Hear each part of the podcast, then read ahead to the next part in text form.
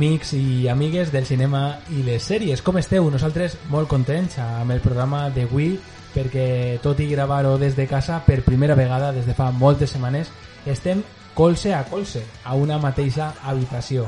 Hem telefonat al senyor Simón per a preguntar-li si podíem fer-ho i sí, ens ha dit que quedarà una casa per a gravar un podcast com este, que sí, sí que se pot. Així que, amics i amigues, programa número 10 de confinament, 32 de la vuitena temporada i per fi junts i juntes. Que comence Sinestèsia.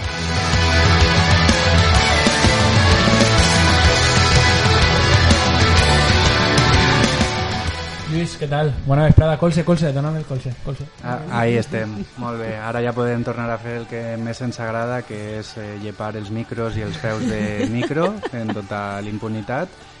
I la veritat és que, bueno, eh, no estem a l'estudi, però feia gust tornar a juntar-nos. Eh, està molt bé que ho puguem fer, a veure si almenys el que resta de temporada ho podem fer aixina, que veuremos sempre és un, un al·licient. I, a més, avui no estem soles, o sigui que Ja el, el, el programa torna a pujar i a elevar de, de nivell, segur, perquè està així la nostra documentalista favorita, Andrea Casino. Hola, Andrea, ¿qué tal? Hola, ¿qué tal?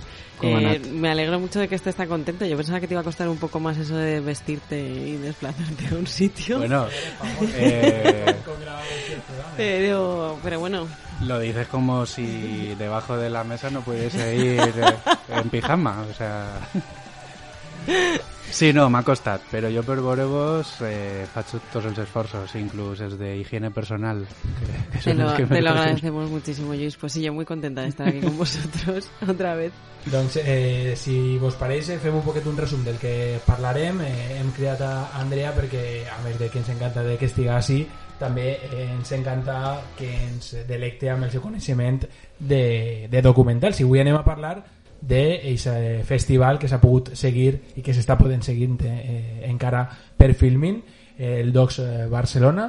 La primera part de, del programa serà sobre això i després, eh, Lluís, canviem de plataforma. Sí, eh, parlarem de, eh, de la sèrie Betal, que la podeu trobar a Netflix, són quatre capítols, una minissèrie no exactament de zombis, però sí, podríem dir del subgènere zombi, i ens ve de la Índia, i només per això ja teníem interès en veure-la perquè ens agrada veure eh, cinematografies un poc més exòtiques i que no són tan fàcils de veure. Després vos direm el que ens ha paregut, si és la sèrie definitiva de zombis o, o no, i, i alguna coseta més, bueno, comentarem també cosetes d'actualitat que, que, sempre, que sempre hi ha detallets. Sí, a més hi ha un tema que ha estat molt candent esta, esta setmana per Twitter, eh, s'ha posat la- l'agenda amb, amb les ungles eh, a clavar-les i altres no, i volem eh, veure en quin bàndol estaríem en esta taula i també si ens agrada Torrente, no ens agrada Torrente, si hem de... Segons el protagonista d'esta polèmica no hi ha bàndols. O sea, elegir bàndols és de ser lo pitjor No, perquè los extremos se tocan y los negros y los racistas son lo mismo. Claro. Entonces, Entonces, estarem tota la secció parlant de podria ser, eh, tal vez, no? I si na- i si aquí, com el, el Sí. planeta neutral de Futurama, Sí, que seremos acaben lo- explotando lo ser más- neutrals. Lo más marca blanca posible. Marca blanca. Que no nos digan nada. Això per a, ho deixem per, a, per al final. Eh, abans de tot, com sempre, com sempre fem, parlem de- d'actualitat i tenim eh, dos temes eh, breus però creguem que molt interessants. El primer d'ells, eh, la 28a eh, Mostra Internacional Films de Dones que es podrà veure a Filmin, Lluís, de l'1 al 14 de juny.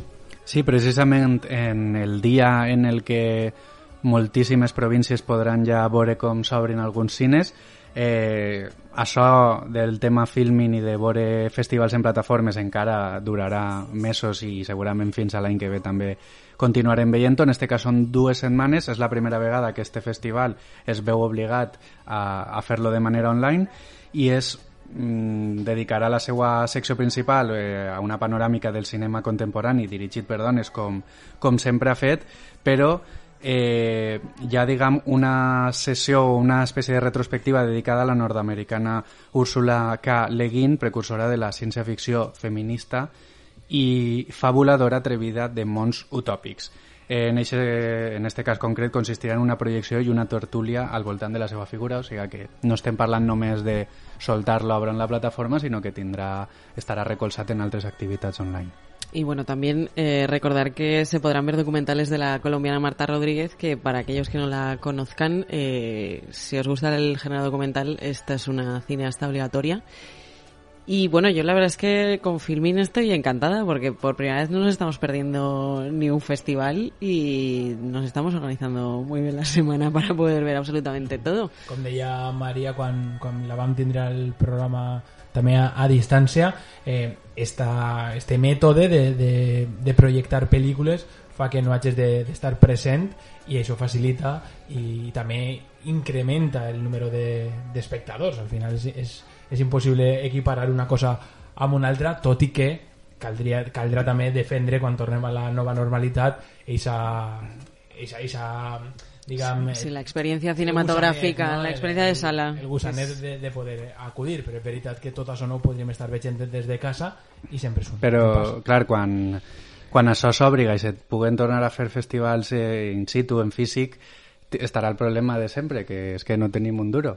Eh, o sigui que continuarem en, en confinament eh, econòmic, per lo menos. Ah, tu apostaries a que aquesta nova normalitat estiga ja arrastrant que el tema dels festivals esta ja passe a ser la prioritat 1 i després ja lo de assistir eh, ja com a algo excepcional, com algo ja per a eh, moments eh, molt destacats, però que eh, de repente ara tots els festivals apostaren per eh, projectar les seues pel·lícules via online per arribar a més gent? El problema és que mm, ara estan obligats a fer-ho, no és segurament perquè vulguen, quan puguen elegir si volen, eh, ahí ja entrarà un tema econòmic, de que al final un festival també ha de ser sostenible i ha de, ha de poder perdurar i, i no sé si en una opció com, com filming, que segur que és molt atractiva, però també està per veure si això els pot també ajudar a, a, a resistir més enllà de, de, la, de, les, de, de que algú pague per les entrades. Sí, però per exemple, eh, pagar per una entrada, pagar per un visionat i no que estiguera inclòs a, al paquet i no vull que estar donant idees a, a Filmin que ara estem ja, Pablo.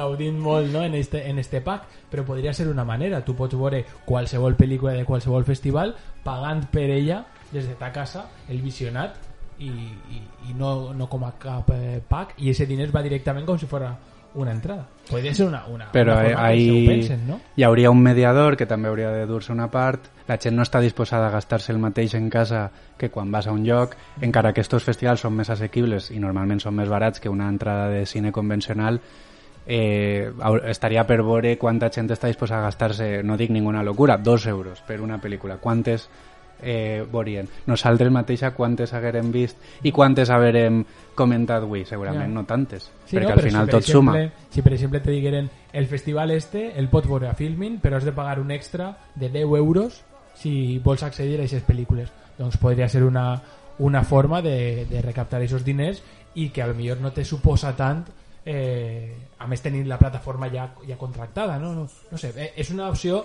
que evidentment no, no és cap solució ni, i segurament ja s'ha plantejat moltes vegades en reunions però que ara a mi se m'estava ocorrent i per què no en aquesta nova normalitat també canviar ese chip A ver, yo creo que de todos modos mm, en grandes festivales mmm, dudo que esa fórmula se acabase funcionando de alguna manera por lo que tú comentabas en términos económicos pero por otro lado sí que quizá puede ser una buena plataforma para gente que a lo mejor no tiene los medios y desea hacer y crear un festival más que no tenemos muchos. Y a lo mejor pues a través de Filmin sí que pueden permitírselo y es una manera de utilizarlo como un trampolín a ser un festival propiamente dicho. El que estic segur és que els creadors sí que estan encantats en la idea de que, es, de que la seva obra puga veure's en el festival en físic i en una plataforma online. Al final, la gent eh, que presenta coses a, a un festival com el Docs Barcelona crec que el que més agraeix és que quanta més gent veig a la seva obra millor i en aquest sentit sí que estaran encantats de que se vegin les coses per, per filming. Uh -huh. Així que, bueno, eh, ho anirem veient perquè uh -huh. és una cosa en la que encara tindrem que que conviure durant un temps i, i les solucions creatives estaran a l'ordre del dia. Per cert, eh, fase 2 a partir d'este dilluns i això significa que ja obriran eh, els cinemes a la província de València torna a ser Aldaya un referent eh, mundial i l'únic que... Primer per tu i després, i després per el cine. Per el cinema. Eh, el cinema de, de Bonaire, de Cinesa, serà l'únic que obrirà eh, en tota la província a partir del 18 de juny, si no, s'esperen un si poquet. no me- si no m'equivoque, s'esperen un poquet, però sí que ja estarà, no sabem si ja serà fase 3 o fase 2, però ja han anunciat que, que estaran ahí. Eh, Clar, en- no sabem tampoc la programació que, que ens espera. En fase 3 suposa que l'aforament ja serà més gran, igual la venda d'aliments també, que això al final acaba sent una gran font d'ingressos. Per als teatres, per exemple, han dit que encara que vagis acompanyat d'algú, no pots sentar-te junt a eixa persona. Si això s'aplicarà als cines, eh, clar, molta gent li tiraria cap arrere. N'hi ha gent que no ha anat mai sol al cine i encara que vagis acompanyada no t'apeteix sentar-te a una fila de distància o a, o a 5 metres. I sobretot per a veure pel·lícules que no són d'estrena, que també això veurem com... Clar, està per veure també quines pel·lícules s'estrenaran, eh, tot junt també ho fa... No sé, veurem el funcionament de, dels cines Bonaire, a veure què ens conten en els primers dies de- d'apertura i, bueno, serà una, una cosa molt curiosa, això segur. Sí, porque en principio, hasta que Madrid y Barcelona no estén ya en fases posteriores, no se plantean estrenos de ninguna clase. No, el 3 de juliol, vam, ja vam dir-ho fa dos programes, crec, que est- estava marcada en la primera estrena de- d'una pel·lícula espanyola, però, clar, això en, ara, no sabem el 3 de juliol si veuran que és rentable, no? Ja, ja ho veurem. Això ja ho anirem anunciant.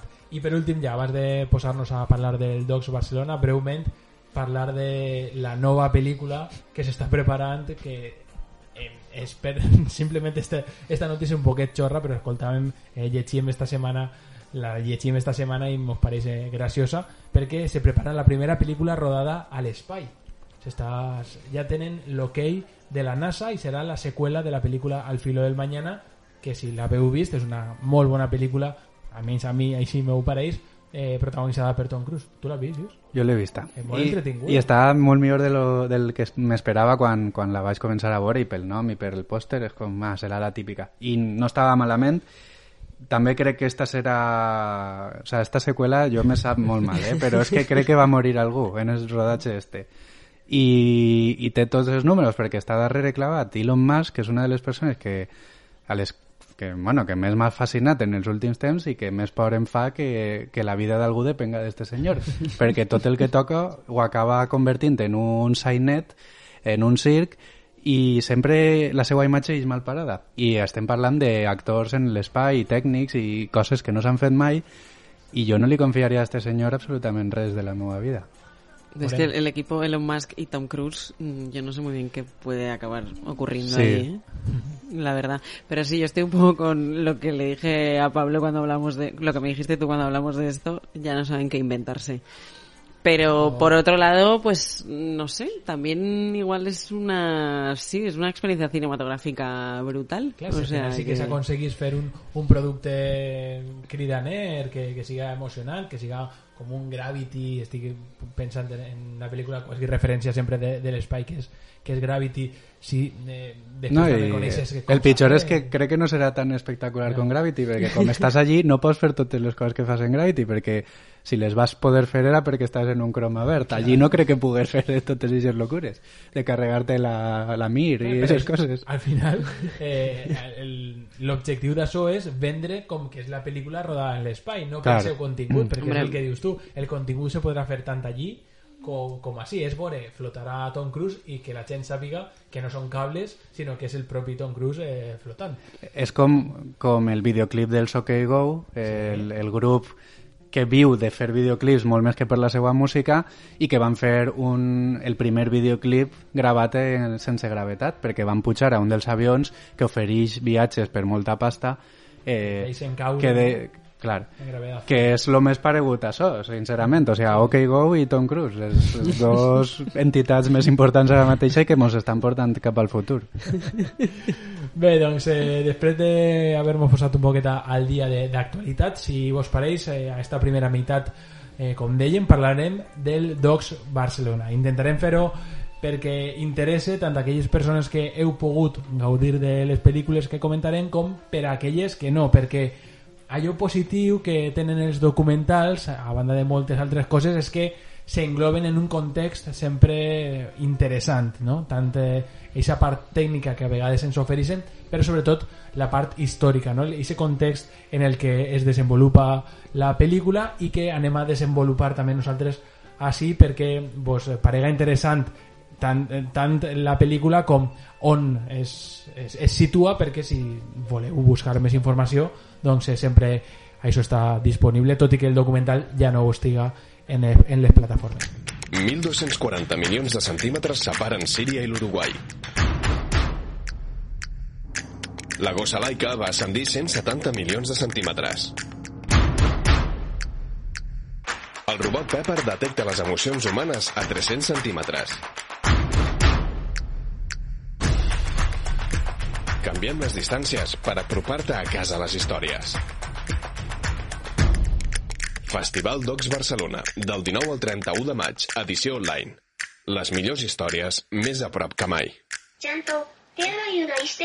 Andrea, eh, què hem vist? Amb quina vols eh, començar? Quina és la que més està cridant l'atenció? Si ho fem per ordre. Pues si os parece empezamos hablando de Letter from Masanja. Si te pareix, anem allà.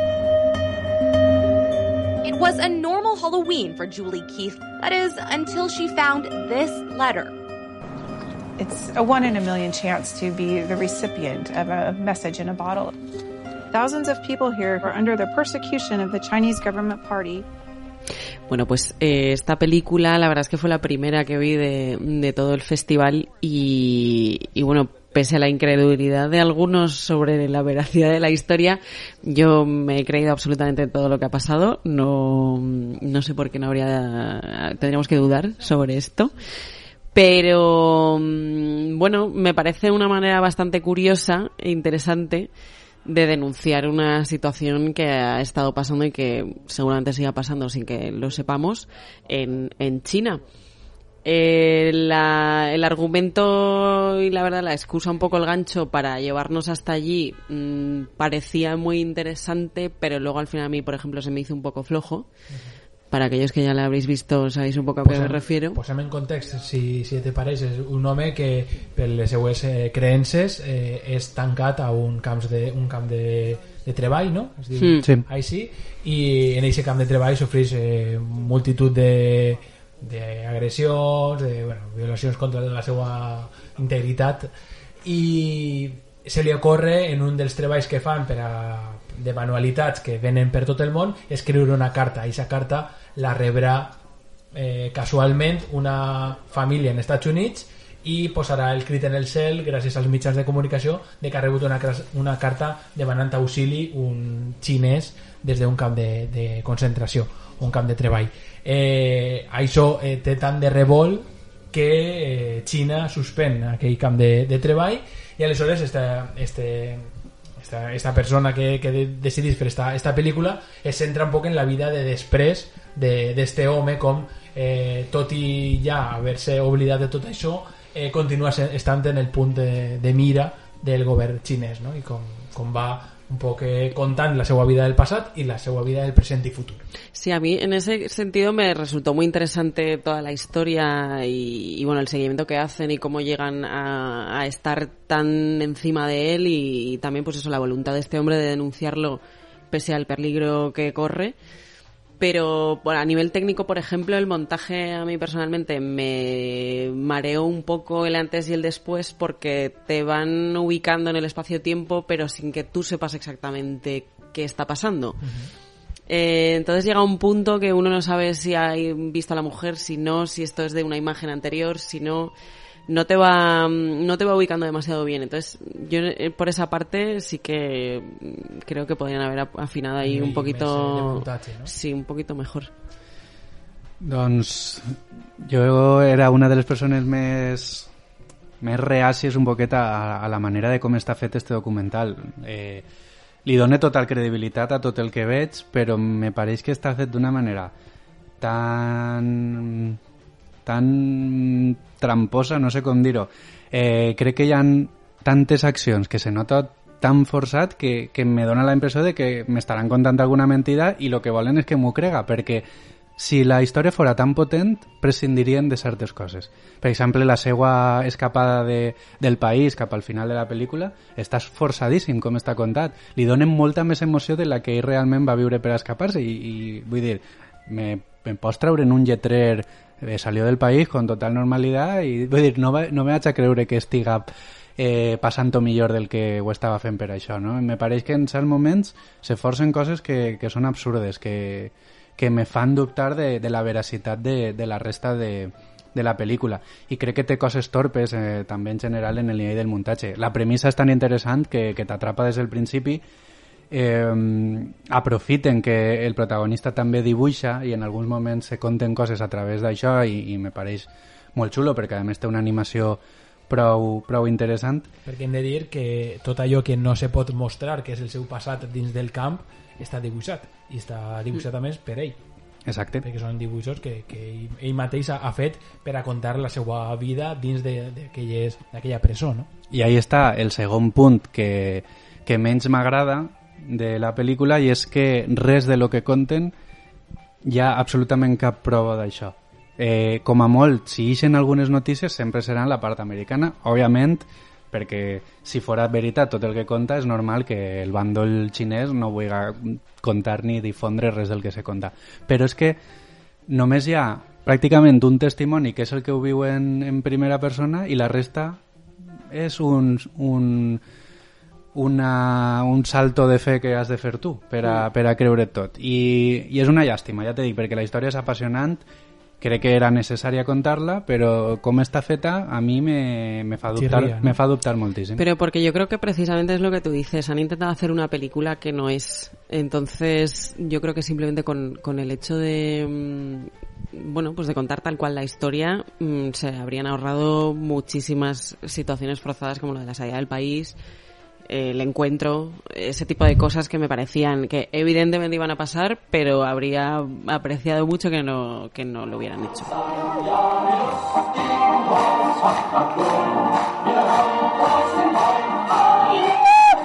Todos con las palmas.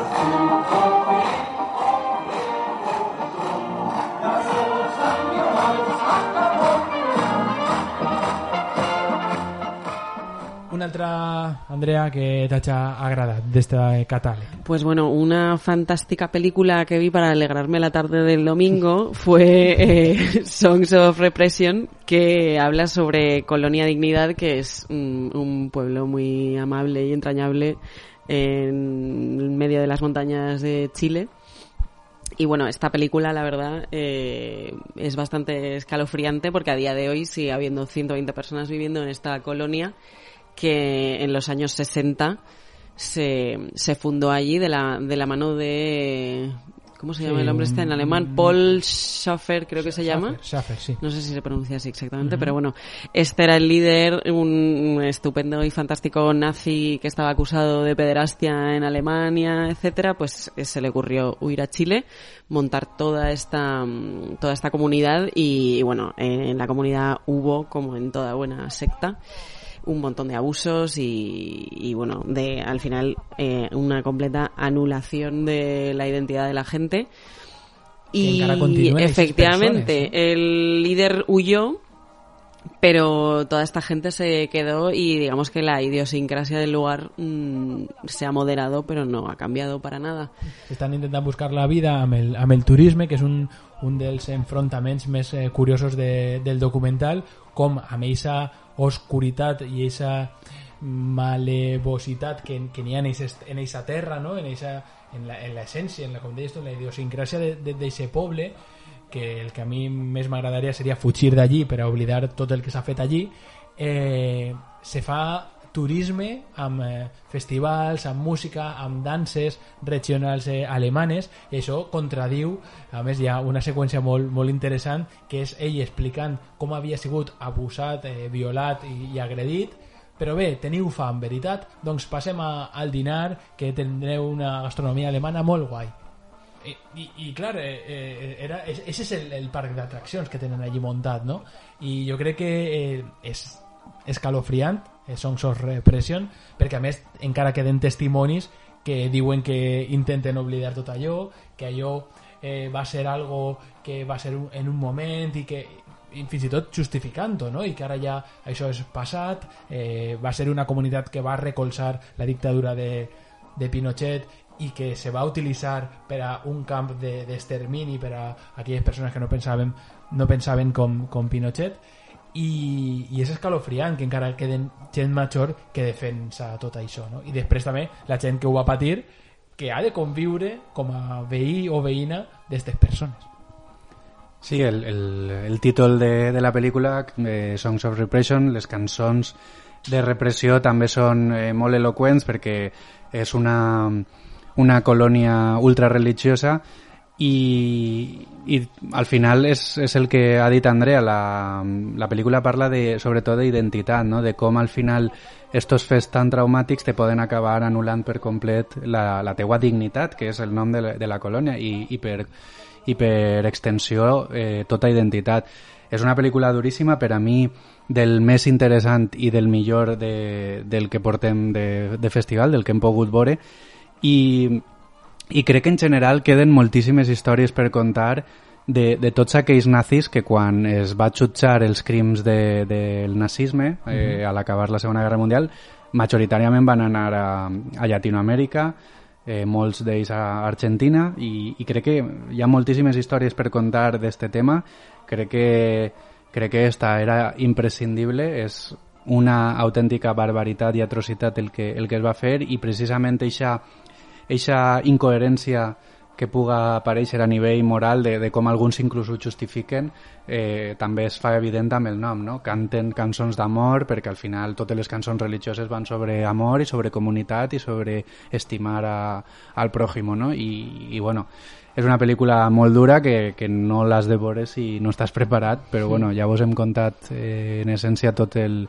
el que passa, al final no, no és res explícit, però només en el que saps què va passar allí posa els pèls de punta. La gràcia és eixa, eh? que és que a més es conta tot amb una tranquil·litat, amb un sosiego, el personatge ese que, que se columpia... Está todo el mundo fatal. És que, mm. clar, ese personatge que t'està contant com, lo que va patir, però que li agrada anar al columpio a recordar els boni... Mira, que se m'estan ficant els pèls de punta, i va en sèrio, és que mm. eh, recordava molt ese caràcter que tenia el club, que també és una pel·lícula xilena, i que també se contava d'una manera eh, sense odi, eh, eh, eh, diguem, eh, sí, que no se veu en cap moment l'odi, tots són eh, com se pensa, com se, com se recorda, y això encara fica la pell més de gallina. Y a mí precisamente me parece muy interesante el hecho de la necesidad de olvidar de también cómo se recuerda y cómo se construye esa historia de una memoria. Uh -huh. eh, casualmente los que más oprimen de esa comunidad son los que más ganas tienen de que no se hable y no se recuerde. Uh -huh. Cosa que me recuerda a otros que a también otras. quieren olvidar todo el tiempo. Y es bastante curioso en ese, en ese sentido y a mí la verdad es que me pareció un documental cuya historia es súper potente. Además también cómo está ejecutada con los planos mm, pues Fixes, ¿no? planos fijos y bastante contemplativos explicando muchas cosas. Per últim dir que el documental no és ni xilè ni alemà, és danès mm -hmm. i el, produ el productor executiu és Joshua Oppenheimer, que és un dels grans documentalistes que amb la seva pel·lícula The Act of Killing es va posar en el panorama internacional amb una de les pel·lícules també més, més dures eh, que s'han fet en, sí. en els, les últimes dècades, o sigui que un altre documental a recomanar. אין ספק שהפעילות של האורחת הבאה שלי מאוד שנויה במחלוקת. אומרים. בוקר טוב, עורכת הדין לאה קימל.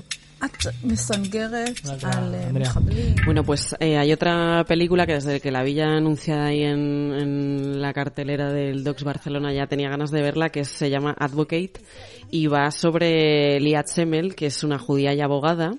Y, y bueno, es una, es una mujer eh, israelí especializada en la defensa de, de prisioneros eh, palestinos y bueno, es una mujer que tiene una dilatadísima carrera en la defensa de los derechos humanos eh, en la defensa de mm, los derechos palestinos. Y, bueno, aparte de que técnicamente me pareció que tenía cosas muy interesantes, como por ejemplo integrar animación para ocultar determinadas cosas, etcétera, ella como personaje me parece absolutamente imprescindible y, y un ejemplo a seguir y, y, como ella misma le dio que se definía como eh, el, el futuro, ¿no? Per a mi, eh, del que he vist, encara tinc algunes pendents, però també, el, junt a Songs of Repression, el, el, el que més m'ha agradat de, del festival, precisament perquè, perquè aborda una, una temàtica prou tabú en, en Occident, que, que no és gens fàcil veure eh, com algú diu clarament que els palestins tenen dret de poder defensar-se com ells consideren i també de ser jutjats, però com a mínim no, no ha de ser l'estat eh, opressor el que, el que s'invente eh, les causes eh, judicials. Eh, a banda, eh, encara més difícil és trobar una corrent eh, d'esquerres i, i pro-Palestina a, a Israel i que, i que es, faça, es faça de manera pública. Este documental sí que està produït, a més, per, per capital israelí i crec que crec que el que conta és que és, és, és superinteressant perquè te fa plantejar coses que, que en general no, no pots trobar fàcilment a les notícies, als articles, ni inclús parlant en, en amics o en familiars. És un, és un tema complicat, no? el tema del que suposa la violència. Eh, L'advocada Leat Semmel no, no nega la violència dels seus acusats, sobretot perquè moltes vegades estan gravats. El que diu és que eh, tenen drets humans, o sigui, els drets humans són universals i tot el món té dret a un judici just i a una bona defensa i que anar en un ganivet pel carrer pot significar moltíssimes coses, no necessàriament eh, intento d'homicidio o terrorisme I, i no necessàriament ha d'estar l'antisemitisme present pel fet de que siguin palestins atacant a Israel eh, si ho consideres legítima defensa. Així que, bueno, eh, crec que és el més atrevit que he vist en, en moltíssims anys. També és molt dur perquè busca aquesta naturalitat. Eh, el documental conta el seguiment de dos casos concrets en els que Liat Simmel està, està involucrada, al mateix temps te, te, te parla de la seva història i de la del seu marit, que eren dos esquerrans eh, militants que, que sempre van estar del bàndol de, de la concòrdia en general, no, no, és que, no és que siguen tampoc ells antisemites en aquest sentit, però són conscients de l'ocupació del seu estat i de, i de, i de la vulneració sistemàtica de, dels drets humans a Palestina. I el que conta, el que deia Andrea, ella mateixa, en un programa de televisió israelí, on la mateixa presentadora li dia és que no puc entendre les teves raons, li ho dia així a la cara, i ella deia bueno, és que ja m'entendreu, si no m'enteneu ara ja m'entendreu, això era en l'any 90 pico eh, dia, és que els problemes d'avui en dia d'Israel van a ser els problemes del futur i, i això t'ho diu en els anys 90, estem a 2020 Israel segueix cada vegada annexionant-se més terreny, cremant cases i hortes eh, a Palestina, bombardejant civils, impedint eh, l'accés a l'alimentació, tallant l'electricitat, eh, empresonant sense motius, vulnerant sistemàticament els drets humans, i ella ja ens alertava fa 30 anys. I ella dia, a mi, molta part d'Israel crec que m'està cada vegada comprenent més. Jo abans era l'advocada del diable i ara em veuen com l'advocada dels drets humans. Així que... Una visió positiva, si no? veus això, la visió pareix positiva, però pensa que des dels anys 90 al 2020 les coses no han canviat a millor, precisament, i, i està per veure l'impacte que puga tindre este documental o certes accions com les que ella fa a nivell internacional i que es puga fer molta pressió a aquest tema. Pick up the shoe. Do it. Yes, ma'am. Not tomorrow. Now. Now.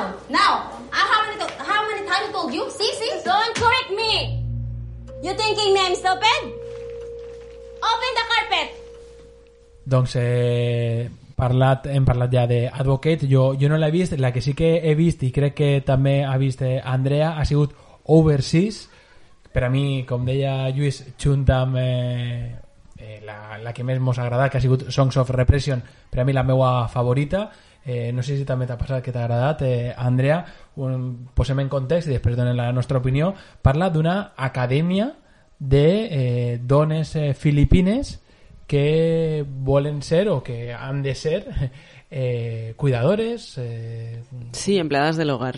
sí, eh, treballadores de, de l'hogar a l'estranger. Mm. Aleshores, elles eh, s'apuntaran a una agència i eh, treballaran per a un home segurament eh, molt ric o una dona, una família, i faran les, les tasques de, de la llar.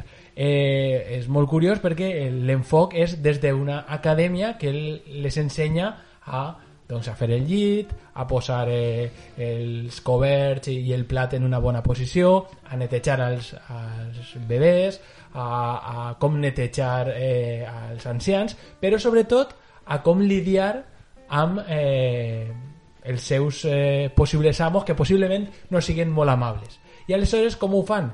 Recreant eh, les situacions que es podrien donar.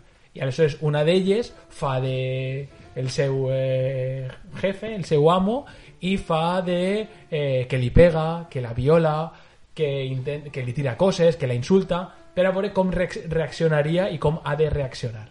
I des d'aquest punt de vista, d'aquesta preparació, d'aquest entrenament quasi eh, militar per a abordar les seues necessitats, hi ha altres eh, temes molt importants i, i evidentment bàsics per a entendre este documental que és la necessitat d'aquestes persones de fer això per a viure o malviure o sobreviure que és guanyar uns pocs eh, diners per a enviar a la seva família.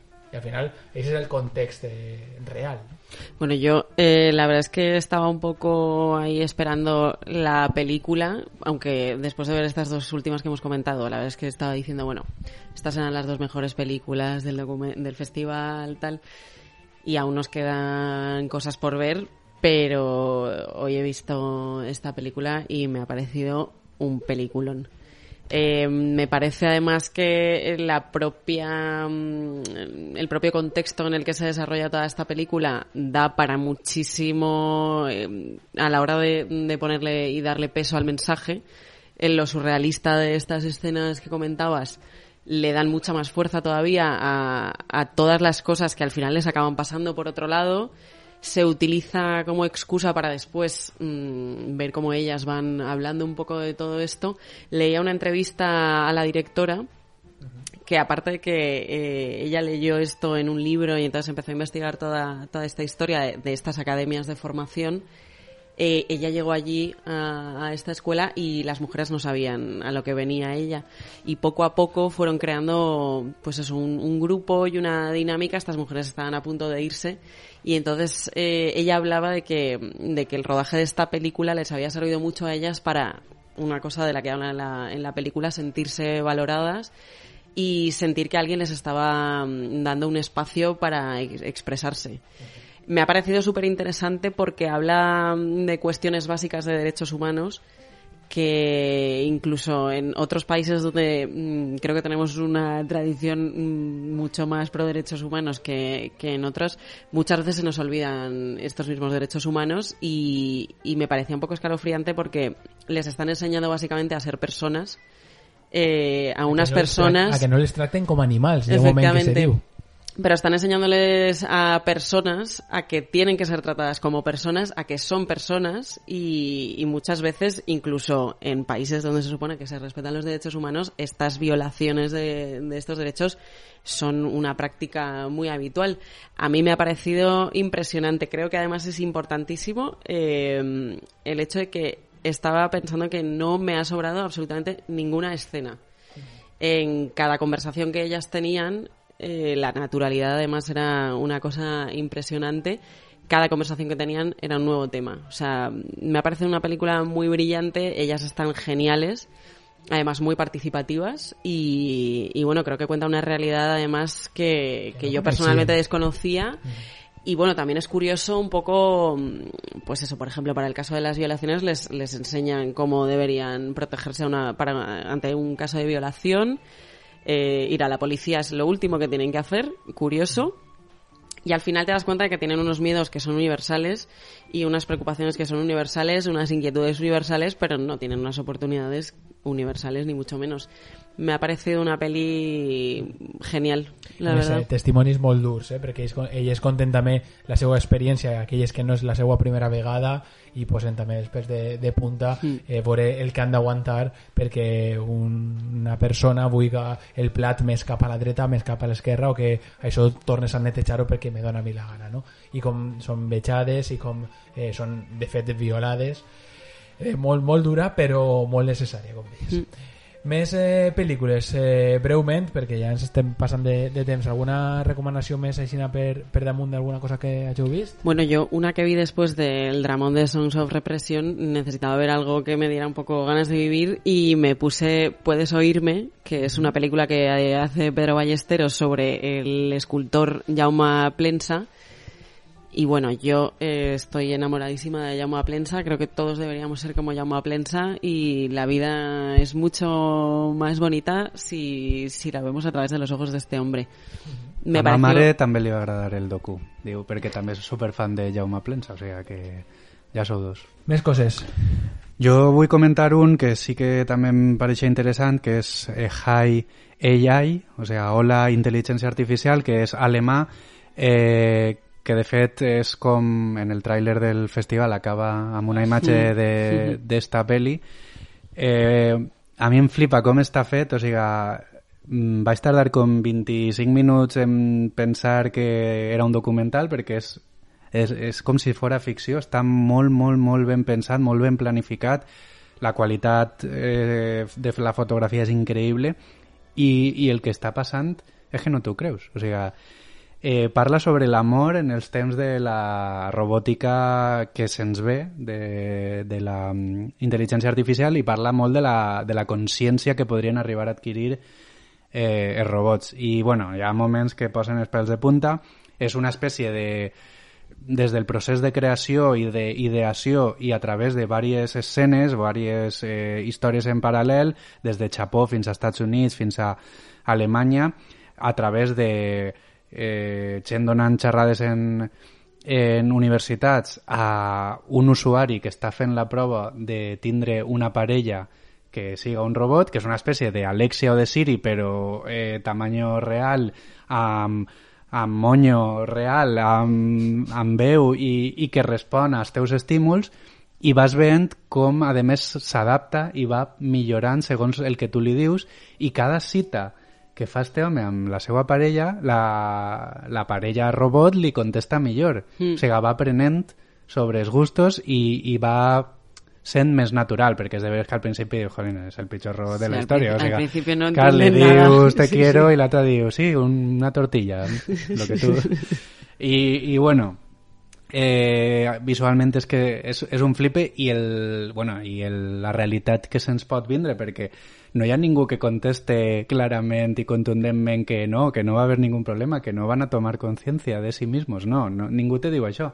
Diuen, eh, hay varios escenarios, uno de ellos es eh, apocalíptico y horrible, en el que sí que podrien arribar a aquest extrem, però tot fa indicar que segurament no. Eh, estan controlats i la intel·ligència artificial té uns límits que, que no vos preocupeu, però bueno, encara així hi havia altres robots i alguns no tenien pinta humana, alguns eren com en, en patetes super, super la, la fines. La com... d'esas patas és preciosa. Baixant les escales i, bueno, és, és espectacular. Mm. Eh, després, hi ha moments que es fa com més pesat, però és que només per veure el que conta crec que mereix molt la pena. De, visualment, segurament, per a mi, el de, dels més impactants també. Sí, a mí me gusta mucho y es lo que dices, que yo al principio estaba dudando un poco de si era un documental o, otra recreación, como ha habido muchas en, en este Docs Barcelona, y me parecía brutal también cómo se habla de los solos que estamos los seres humanos. O sea, es impresionante.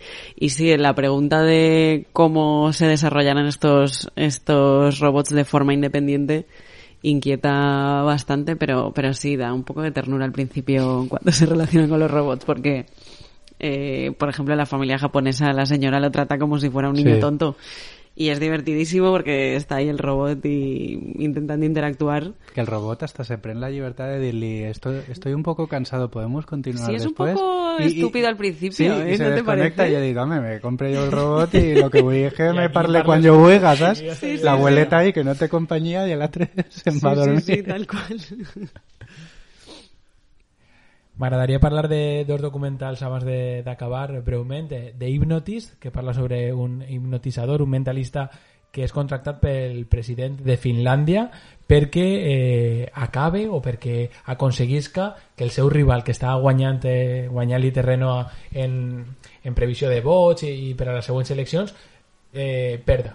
Perda eh, gràcies a eh, que per la televisió se pot mentalitzar a la gent i enviar-los eh, missatges. És tot molt loco, eh, evidentment eh, no ens creguem res mm, de, de tot el que està passant. Si no eres molt... Eh, eh, fan d'aquest de, món de, del mentalisme. És veritat que a mi me, me va faltar molt en el, en el documental que es parlara precisament d'això, del mentalisme. Mm. Eh, crec que és un poquet l'excusa per a parlar més de la política eh, i dels abusos eh, polítics eh, i de les trampes que, que s'han fet a nivell de legislació en el país de, de Finlàndia i al final el, el mentalista al final queda com un loco i que no saps si el que feia eh, era real, si no era real, perquè les persones sí que l'eviten en la pel·lícula i, i no eh, és acorda a la ciència no? I, eh, i als, a les lleis físiques. Això sí que me va faltar. Eh, tú lo has visto, ¿no? Sí, yo estoy de acuerdo contigo. El tema este de la conspiración gubernamental me parecía fascinante. Mm. Eh, pero bueno, sí que es verdad que luego al final se queda todo como un poco superficial. No sabías si estaban hablando del hipnotizador, de la política, de toda la vez no se sabe muy bien hacia dónde quiere ir y luego sí que te vayan mostrando que es un falso documental. En algunos momentos mmm, mola mucho, pero claro, no sabes hasta dónde rebobinar uh -huh. en la película. I una altra pel·lícula que, que he vist eh, una pel·lícula colombiana que es diu Suspensión, que tracta d'una de les carreteres més eh, perilloses o la, más, la més perillosa del món, que se li coneix com el trampolín de la muerte. De segur que heu, heu vist imatges d'una carretera que va al costaet d'un precipici en un, en, entre muntanyes i que si van dos cotxes és de doble sentit però si van dos cotxes no caben i han d'anar uno cap fins a la curva bé, és una locura però eh, tracta un poc de l'especulació que ha fet el país de com aquesta eh, carretera arreglar-la eh, en unes mesures i en un, prenent unes decisions que no són res eh, acord ni al terreny, ni a, ni a la climatologia, evidentment, ni, ni tampoc a lo que necessiten les persones d'allà, i de fet acaba d'una manera molt trista, que no vull fer spoiler, però si conegueu un poquet la, la història que va passar allí, eh, això se va gravar abans d'aquella tragèdia que va, que va ocórrer a la ciutat de Mocoa, si no, si no m'equivoque, i, i bé, és, una, és molt trista, és un dramote també molt gran, que un poquet pesadeta perquè és molt lenta, no ha no se recolza de cap veu en ni de cap eh, intervenció, és únicament el que va passant i a vegades és un poc dur si no n'hi ha molta activitat de seguir una pel·lícula així, però evidentment el tema és super interessant i si eh, vos interessa el trampolín de la muerte i l'especulació que hi ha al darrere de, fet. Desde el punto de vista técnico no hay barreras. Las cosas se pueden hacer, pero algo viene funcionando mal y ese algo se está volviendo como ancestral, porque viene de generación en generación.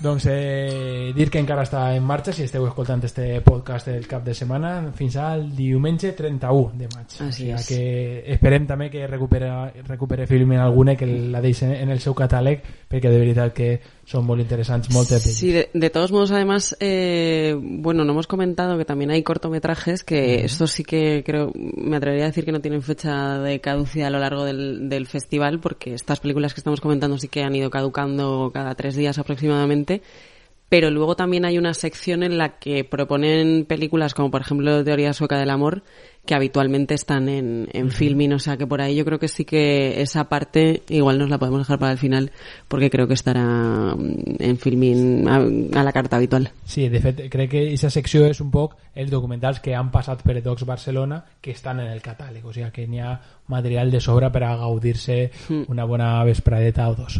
Eh, parlem, canviem de plataforma, vos pareix? Sí. Doncs anem a parlar de Betal i de zombis indis. दुसरांग नाहक न माने वांतो महात्मावा मट्टा तू नोंदलाय खुला दे चेचरा सबको नाश कर देगा चिरई हमको तुम्हारे मदद की सख्त ज़रूरत है हमारी टीम इस प्रॉब्लम को फिक्स करने में ज़्यादा वक्त नहीं लगाएगी टेक पोजीशंस कीप कवर कि डिस्टर्ब्ड एरिया को सैनिटाइज करने का एक ही तरीका है Bueno, doncs eh, anem a... Canvi dràstic, eh? eh canvi total. Le ha venido fatal, eh? Ane- Los zombies. És que, clar, veníem ahí de moltes tragèdies i venim a una sèrie que també hauria de ser molt intensa i molt tràgica, però en alguns moments eh, se te ix la risa involuntària. Eh, li teníem moltes ganes a esta, sèrie, a esta sèrie perquè no és molt habitual veure eh, coses que venen de la Índia, encara que a Netflix és de veres que sí que hi ha cosetes, però en general no molt bones. El tràiler ens havia cridat l'atenció, tenia bona pinta, i és una minissèrie de quatre capítols d'uns 45 minuts.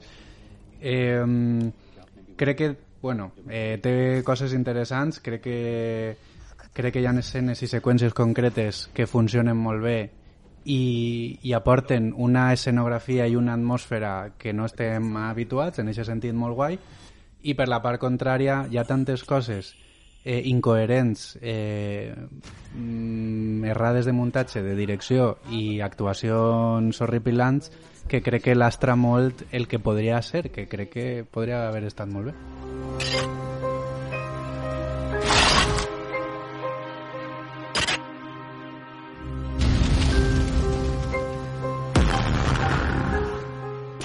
Lluís, eh, si et pareix, eh, posem en, en context i, i la sinopsi de, de la sèrie. Eh, la història es desenvolupa en una, en una aldea que eh, el govern vol que passe per allí una gran autovia i una carretera que creue una, una muntanya. Per això cal obrir un túnel, un túnel que ja se va obrir al seu moment i que va ser tapiat i que ara toca tornar a obrir. En 24 hores ha d'estar eh, obert perquè ve el ministre i eh, tot eh, és cordialitat amb el ministre. A més, dins de que hi ha una especulació per, eh, entre les empreses, eh, tot, tots van a guanyar diners, excepte, evidentment, eh, la ciutadania i els poblats que viuen allà, i tot s'ha de fer eh, molt ràpid. Què passa? Que el, la gent d'allí sap que n'hi ha una maledicció que diu que si eixe pont s'obri i seran d'ahir unes ànimes que acabaran amb el món. Eh, a partir d'ahir doncs, eh, veurem el yin i el yang, no? Eh, les persones eh, que no volen bones que no volen que s'obriga i són eh, la gent que estima la seva terra i les dolentes que volen obrir-ho per a guanyar molts diners ahí dins hi haurà un, uns éssers que ho poden contar, no? De, Sí, és la premissa. És la de- premissa. sí, la eh, hi haurà zombis Que no són exactament no, són zombis, com tenen, fantasmes també, no? tenen Són- tota la cara d'un moscardón, però sí, amb els ulls rojos enormes. Sí, moscardones zombis. Sí. Eso estaria, estaria Però damunt vestits com, com els colonialistes britànics, com, com els exèrcits de, de les colònies britàniques del segle XIX. Mhm. O sigui, els típics tratges amb, amb gorros super extravagants, eh, el seu vestit roig, eh, com de, de, de fusileros, Mhm. i van armats amb fusells i disparen. Per això, vull dir, són uns zombis un poc més funcionals que el que estàvem acostumats. Doncs eh, dins d'esta premissa, d'este context, doncs eh, evoluciona la, peli, la sèrie on els militars eh, actuen d'una manera dolenta fins que s'adonen que millor allò que estan fent no està molt bé i al final hauran de lluitar tots junts, els vius, contra el, les ànimes estes, el, els, mosca, els moscardons que, que dius tu. Eh, quin és el, el pero de, de la sèrie entre molts altres que podríem... Eh... No, no, no el sé. No, perquè la pel·lícula... No, la sèrie no, no és que estigui tan, tan dolenta. De fet, el primer capítol a nivell eh, de ritme, a nivell de tècnic, a nivell d'utilitzar... Per exemple, utilitzen la, la càmera nocturna, utilitzen les càmeres GoPro, i tot és una mescla per un poquet també donar-li aquest dinamisme, i no està mal. Recorda a pel·lícules en, no sé si en distància recorda però un poc Sicario un poc aquestes pel·lícules més de, de, de no?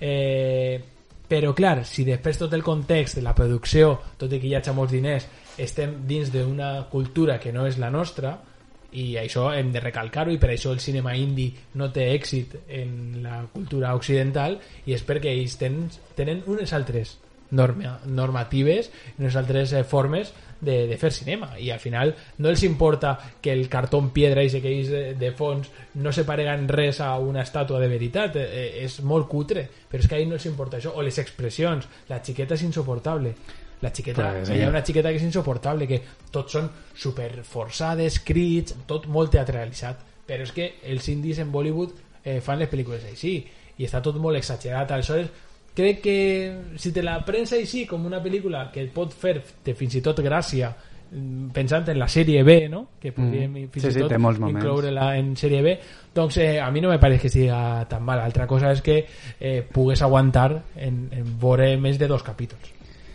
Bueno, són quatre, o sigui que si, si arribes a veure quatre ho, ho pots aconseguir.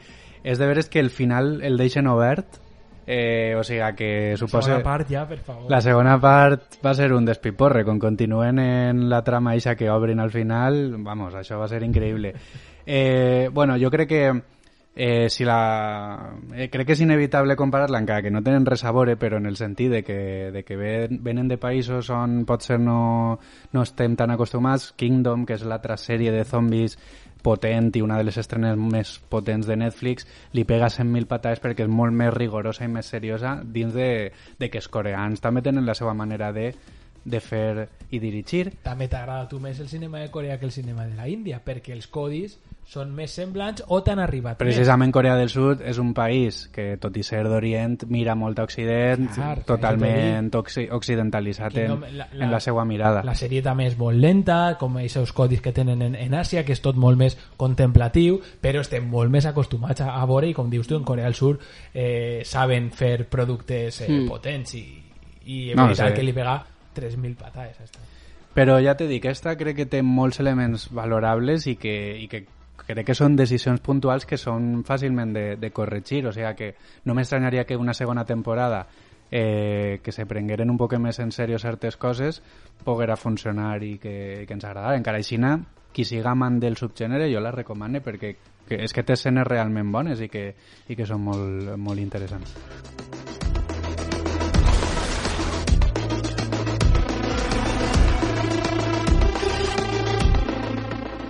També és interessant, eh, crec que diversos missatges que tracta d'aportar eh, té diverses lectures eh, socials, una d'elles és que té prou personatges femenins empoderats, alguns també són dolents, però, però en general crec que queda queda aquesta intenció ben clara perquè també mm, bueno, moltes de, de les pel·lícules que arribaven romanticones no, de, de Bollywood sempre eren molt masclistes i, i bueno, també anar trencant aquests estigmes, aquestes Mhm. eixes coses tan inamovibles està molt bé.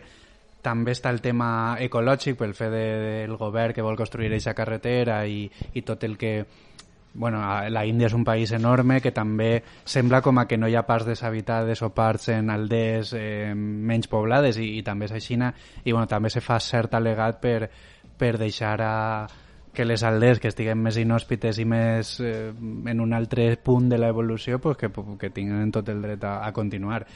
I després també està el tema de classes, que potser no se parle de castes com a, tant, però, com a tal, però sí que està molt present eh, el tema de, de les elites eh, econòmiques, polítiques, militars, eh, urbanístiques també en aquest cas, contra eh, el poder del poble, contra el conjunt de, de la societat.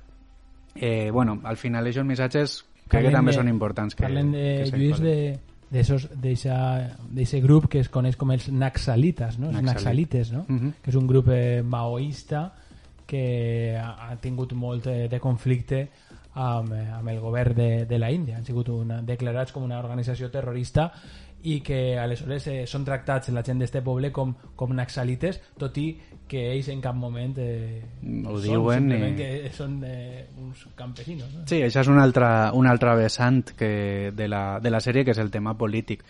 eh, en general també dona una sensació de ser una sèrie eh, progre que lluita contra, contra certs elements conservadors de, de la societat índia. O sigui que... Doncs eh, ahí queda la recomanació. Ahí queda, sí, sí. Si vos agrada i li voleu donar una, una, una oportunitat, de fet és curteta i te la veus en una sèrie. Li donaré una oportunitat, dos no. Dos no. O sigui que, com no vos agrada el primer capítol, ja no aneu a seguir. Però si vos agrada... Bueno, A mi m'ha passat que el primer me va agradar molt i després vaig perdre un poc d'interès. Eh? O sigui que heu de...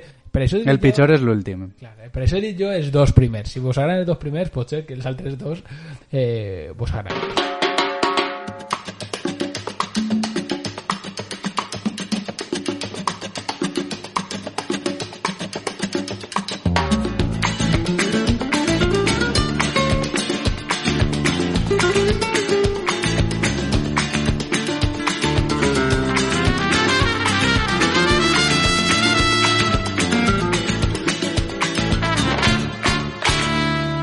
La noche con su coche, vigilando sin cesar. Bé, doncs, eh, per acabar, si vos pareix, eh, comentem aquest tema d'actualitat que tractàvem al principi, que pot ser interessant per finalitzar este, este programa. Eh, com tots sabreu, la saga Torrente està ja disponible a la estimada plataforma de Filmin i ha donat molt de debat, eh, no sabem si intencionat o no per part de la plataforma, que és una, un tema que també podem tractar, si Filmin fa ben incloure o no aquestes pel·lícules, dir aquestes pel·lícules entre cometes, com aquest cinema no intel·lectual o, o un cinema més d'anar per casa, no sé com podrien també eh, catalogar Torrente, i també eh, aquesta equidistància que ha mostrat Santiago Segura en, en Twitter soltant alguna barbaritat com eh, ni machismo ni, ni feminismo i aquestes coses. Doncs eh, no sé si l'aprofita Filmin per atreure-lo ara o si és una eh, moviment estratègic un poquet fallit el fet d'haver ara tret este, este tema. Él ofrece su consuelo y persigue al traficante que tiene el corazón negro, siempre alerta, siempre atento, siempre buscando la paz. Vaya disgusto se lleva, si debe desenfundar, apatrullando la ciudad, apatrullando la ciudad. Eh, ¿Qué vos paréis? Eh, parlen d'això, eh, Andrea. A ver, a mí me parece que es absolutamente un movimiento de marketing total. Mm, lo que me pregunto es qué necesidad tiene Filming de hacer esto. Porque, bueno, la de conseguir más pasta, supongo. Pero, no sé, yo creo que es una plataforma que se está diferenciando mm, por ofrecer un contenido de mucha calidad en general, aunque luego hay perlas mm, buenas que, Que no lo tampoco sabemos por qué están ahí, pero bueno, que pueden llegar a ser hasta un punto interesante. Pero claro, yo no sé si Torrente también podríamos considerarla ya una saga de culto para que esté ahí en filming. Sí que es verdad que, a ver, nos ponen Torrente y nos sale el esnovismo que todos llevamos dentro. Pero bueno, mm, de todos modos, yo personalmente no soy para nada ese público. Eh, como en muchos otros contenidos que hay en filming, pero vamos, en concreto este desde una parte muchísimo más activista. Como bien comentaba mm, una periodista, Patricia Moreno, mm, ¿qué sentido tiene que Filmin tenga una colección LGTBI y luego tengamos aquí la saga de Torrente? Al final es un poco ni fascista ni antifascista. Entonces yo estoy un poco que, a ver, por un lado pues tengo aquí la duda de la obra y qué significa Torrente, qué implica, al final es una caricatura, etcétera, pero yo sinceramente creo que lo que ha conseguido Torrente es que nos caiga bien un putero machista, no que digamos, Dios mío, mmm, qué gente hay por el mundo.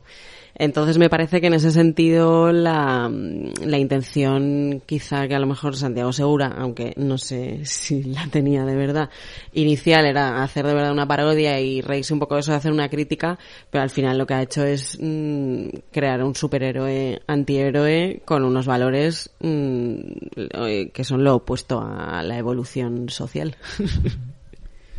És un tema complicat. O sigui, no estic del tot d'acord amb tu, Andrea, perquè en aquest sentit, per exemple, també també el protagonista de La naranja mecànica és un superheroi per a l'extrema dreta o és neonazis i no és una pel·lícula que faça apologia d'això i de la mateixa manera que també s'ha convertit en un referent per a moltíssima gent Tony Soprano quan és un, una persona abyecta i, i criminal o Homer Simpson o Rick Sánchez de Rick i Morty. I en aquest sentit no podem pretendre que, que perquè certs personatges se convertisquen en referents d'algú que no ens agrada ja també siguen sospitosos de perquè és com el crimen de la katana, no? perquè no sé qui li agradava el Final Fantasy, vull dir, és que són, són al final exemples que crec que no fan ningú bé a la, a la societat ni a la, ni a la cultura. El que sí que ens genera dubtes és la trajectòria de Santiago Segura a nivell a nivell influencer d'opinió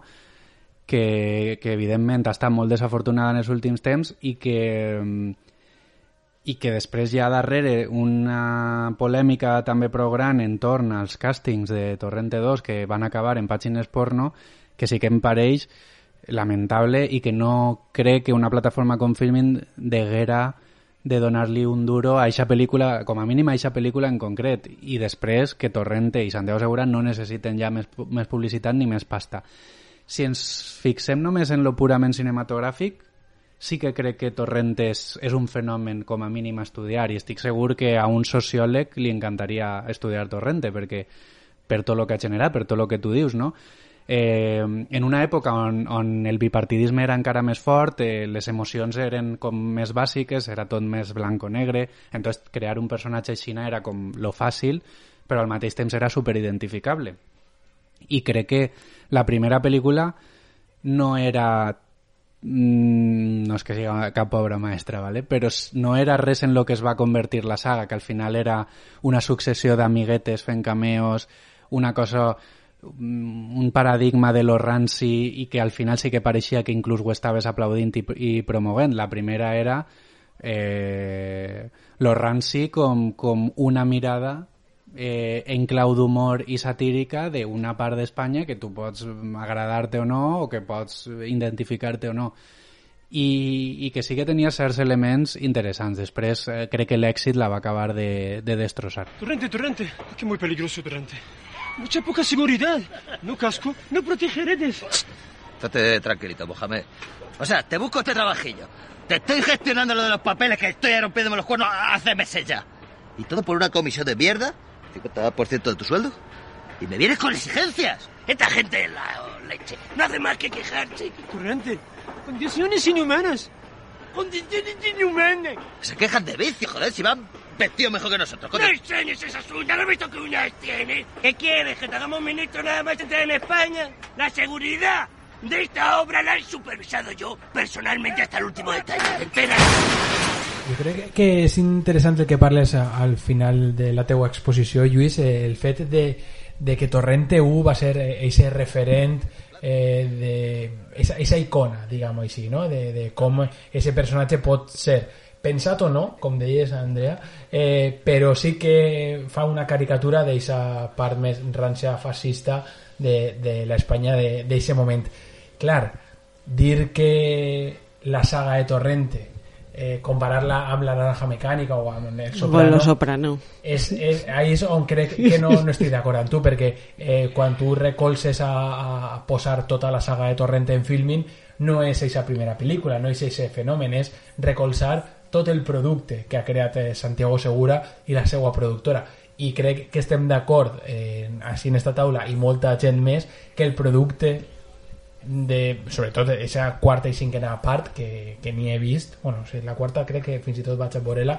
Eh, eh, és, és, és, és, un, és d'un contingut eh, despreciable. O sigui, és un, és un és que posen fins i tot de, de nerviós de veure-la perquè són tots aquests personatges que, que odies quan els veus en la televisió damunt de veure-los regodear-se en, en el seu pensament asquerós en una pel·lícula de ficció i a més tot el que ha mogut que ja no s'ha convertit ni en una pel·lícula de culte ese final de la saga. Això ja era un producte destinat únicament a aquest públic més ranci. Això, això, això ja no se podia defendre ni a nivell audiovisual, com sí que se pot defendre la primera i fins i tot, si m'apures, la, la segona. Aleshores, què fa Filmin? Jo, per a mi, és una estratègia totalment eh, eh, econòmica i, sobretot, eh, viral, perquè els ha servit moltíssim eh, aprofitar el, el boom de Santiago Segura per a, per a que la gent parle no crec que ningú s'hagi donat de baixa de filming per això eh, tampoc crec que hi hagi moltes altes que hagin dit vull a fer-me filming per a veure Torrente perquè qui vol veure Torrente ja l'ha vist mil vegades. Però sí pot ser gent que s'hagi donat d'alta perquè no coneixia filming i gràcies a això